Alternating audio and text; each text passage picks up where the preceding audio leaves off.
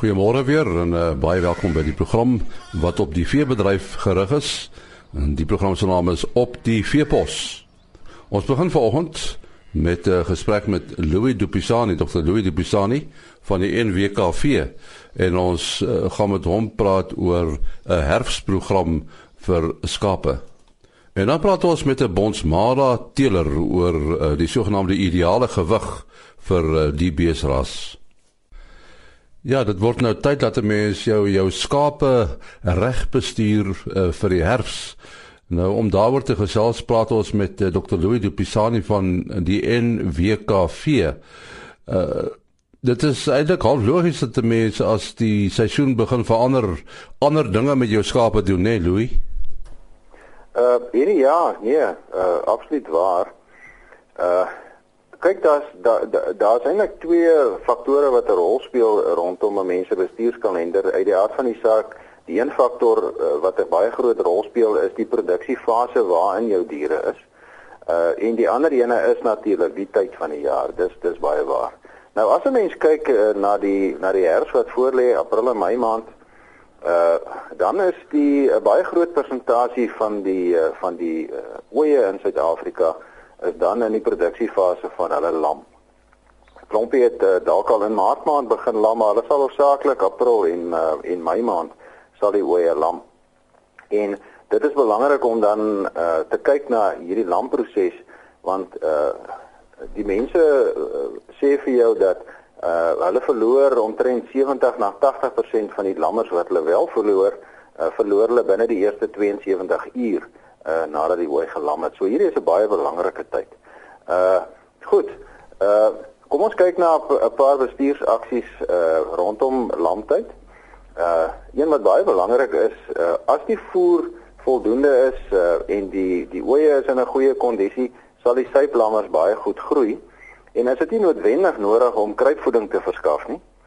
Maar uh, as jy in 'n area in die veral in somerreënval dele van Suid-Afrika is wat vanjaar ondergemiddelde reënval gekry het en dit wil vir u lyk uh, of die die voer beskikbaarheid dalk ondergemiddeld is, dan wil 'n mens definitief vir die lammers kruipvoeding gee. Dit help die lammers om baie vinniger uh speen gereed te kom. Mens kan hulle op 'n redelike jong ouderdom speen hier rondom 60 dae.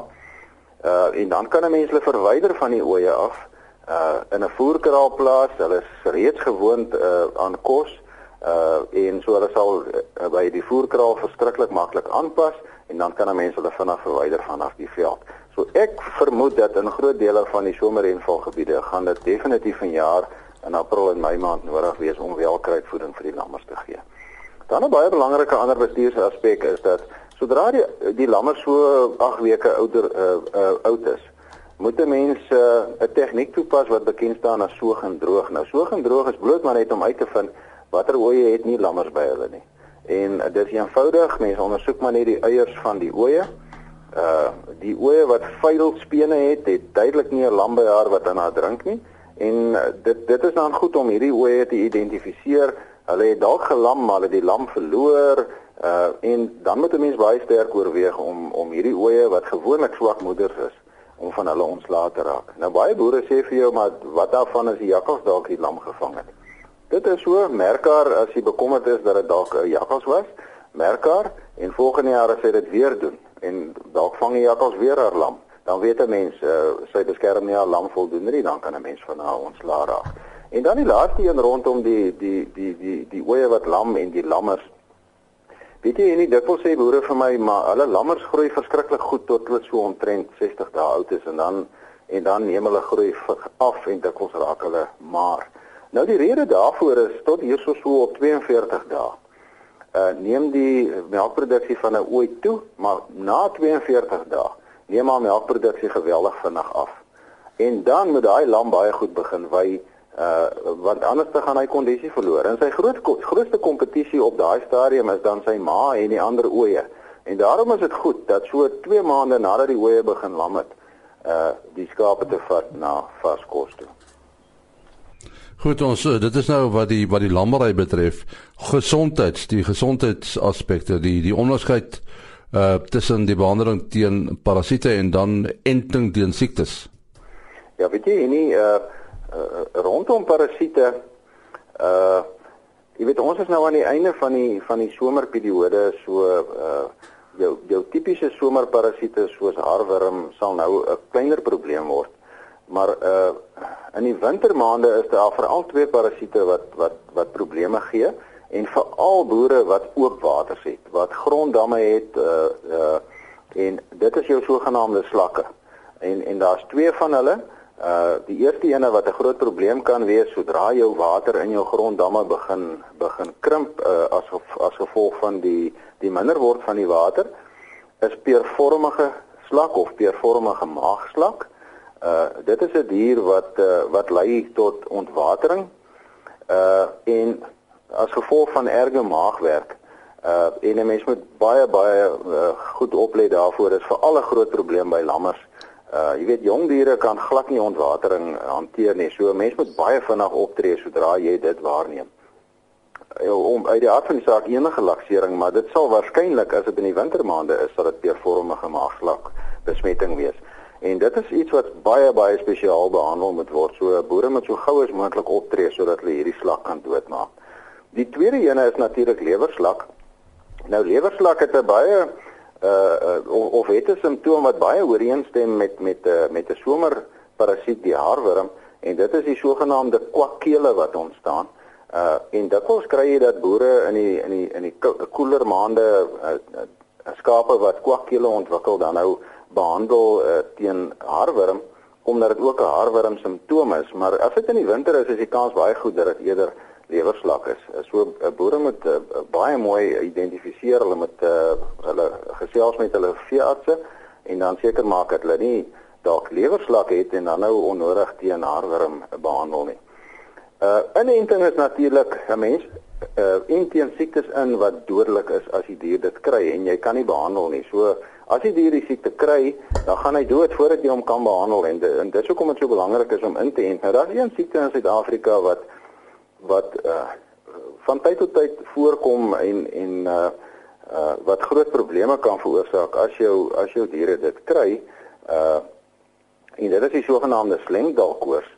Nou moet 'n mens onthou dat uh die die dier word net aangetas uh, deur die virus wanneer daar 'n uitbraak is van slengdal en dit kan 20, 30 jaar wees na die vorige uitbraak en dan het baie min diere in die populasie het natuurlike weerstand dan teen die siekte. En daarom is dit so belangrik om uh, teen slengtaalkoors in te ent. Ek weet daar's groot probleme uh by by uh die onderste poort uh uh met die vervaardiging van van enstowwe, maar mense moet tog maar oorweeg uh om op 'n gereelde basis uh, teen slengtaal in te ent en dis waarskynlik 'n goeie tyd om hier in die uh in die wintermaande teen slengtaal in te ent. Goed, Louis, telefoonnommer? Uh enige mense wat vir my wil skakel, kan my skakel op ons kantoornommer 041 36 55 030 en dan is hulle natuurlik baie welkom om na ons webwerf te gaan. Dis uh, www.nwga.co.za. Daar's ongelooflik baie uh uh inligting beskikbaar en ook hierdie bestuurskalender in baie meer detail as wat ons dit vandag kon bespreek.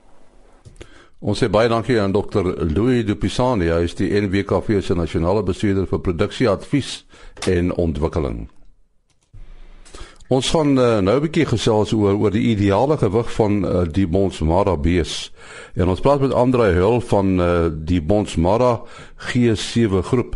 Uh Andre, vertel ons net eers nou watter omgewing boer jy? Vryburg. So dit is eintlik maar beeswêreld daarin, hè? Ja, hulle sê so ja. Ons wil graag so dink maar, weet jy. Daar kan seker maar sy eie opinie. Nou kom ons praat 'n bietjie oor die Bonsmara se ideale gewig. Uh die die Bonsmara is natuurlik 'n dier wat uh, uh redelik goed doen op veld. Ja, wel, ons selekteer hom om goed te doen op veld, dis ons hoofdoel, ja. Nou wat sou jy sê is die ideale gewig van 'n Bonsmara? Is is daar 'n probleem met hierdie sogenaamde ideale gewig? Ja, daar is definitief 'n probleem wat nou gaan afhang van jou bestuur, dit gaan afhang van die voeding op jou plaas. Het jy soetveld, suurveld, wat sê jy uh, weet boer jy uh, die, die plaas gaan bepaal wat die ideale gewig van 'n koe is. As jy 'n plaas het met baie soetveld en dit warm en daar's nie so goed nie, gaan jou koeie bietjie swaarder word en as jy seker in dele van die landboer waar dit koud is en waar dit baie suur is, gaan jou koeie ligter wees. Hang af waar jy boer. So daar's nie eintlik 'n ideale gewig hier, hang af van waar jy boer soos jy sê. Ja, dat is nie ideale gewig. Jy hang af waar jy boer gaan bepaal hoe swaar jou dier moet wees. Ek ek hou nie van die woord groot nie. Groot laat my dink aan iets wat hoog is. Ek praat van gewig van 'n die dier. Nou die diere wat uh, daar by julle wei, die die bonsmaras, hulle is seker oor die algemeen uh, swaarder as die die ander in die res van die land. Ek sou so dink ja, wel ek kan nie ek ek is nie op ander boere se plase in Vryburg dat ek hulle beeste weeg en ek kan sê maar ek kan net praat van my eie beeste wat ek nou gedurig weeg omdat ons prestasietoetsing doen. Uh ek kan net praat van my eie beeste en my eie beeste verkies ek 'n dier wat uh, tussen so hier by die 550 kg 580 kg 'n koei by steun is my ideale gewig op my plaas. Uh, nou lyk dit by die teelwaardes is aangepas om julle eintlik in 'n sekere sin te benadeel, as ek reg. Ja, dit gaan nou jy maak nou jy wil net ek moet nou iets sê wat 'n groot blik wurms weer gaan oopmaak. Dis maar ek ek het nou die net die net die teelwaarde span, die blitspan het ek maar gedurende ding aan die gang wat ek sê hulle hulle benadeel ons, hulle dink nie hulle benadeel ons. Nou hoekom sê jy hulle benadeel julle? Omdat omdat hulle volgens hulle wetenskaplike metodes wil 'n dier ligter hê as wat ons as wat my diere op my plaas is. Hulle wil 'n ligter diere, koeie wat ligter is en ek sê dis nie wat my kliënte wat diere by my soek soek nie klein diertjies nie, ligte diere, hulle soek swaarder diere want hoe swaarder die diere so meer geld maak. Maar daar is ook 'n beperking op die swaar. Dis hoekom ek sê koeie tussen 550 en 580 by speen is die ideale gewig vir my op my plaas. Ja, is daar 'n manier om hierdie hierdie probleem op te los?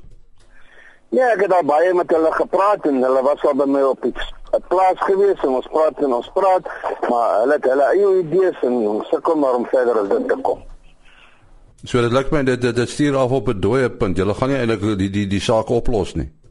Ek klink voel vir my ook so nie. Ek het al hierdie ding baie opgeneem en baie daaroor gepraat en baie met hulle geredeneer en baie en dan hulle het hulle idees en ek en ander boere ook hier seker nie almal nie, maar ander boere hier het ook maar ons idees, maar dit is maar ek ek ek ek en hulle stem nie altyd ooreen oor die uh, ideale gewig nie.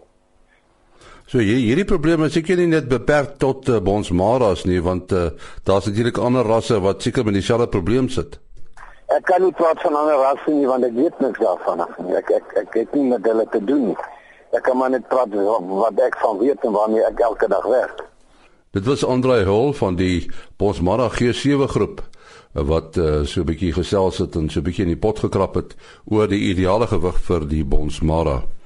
Ons is môreoggend om 4:45 terug. Tot dan. Mooi loop.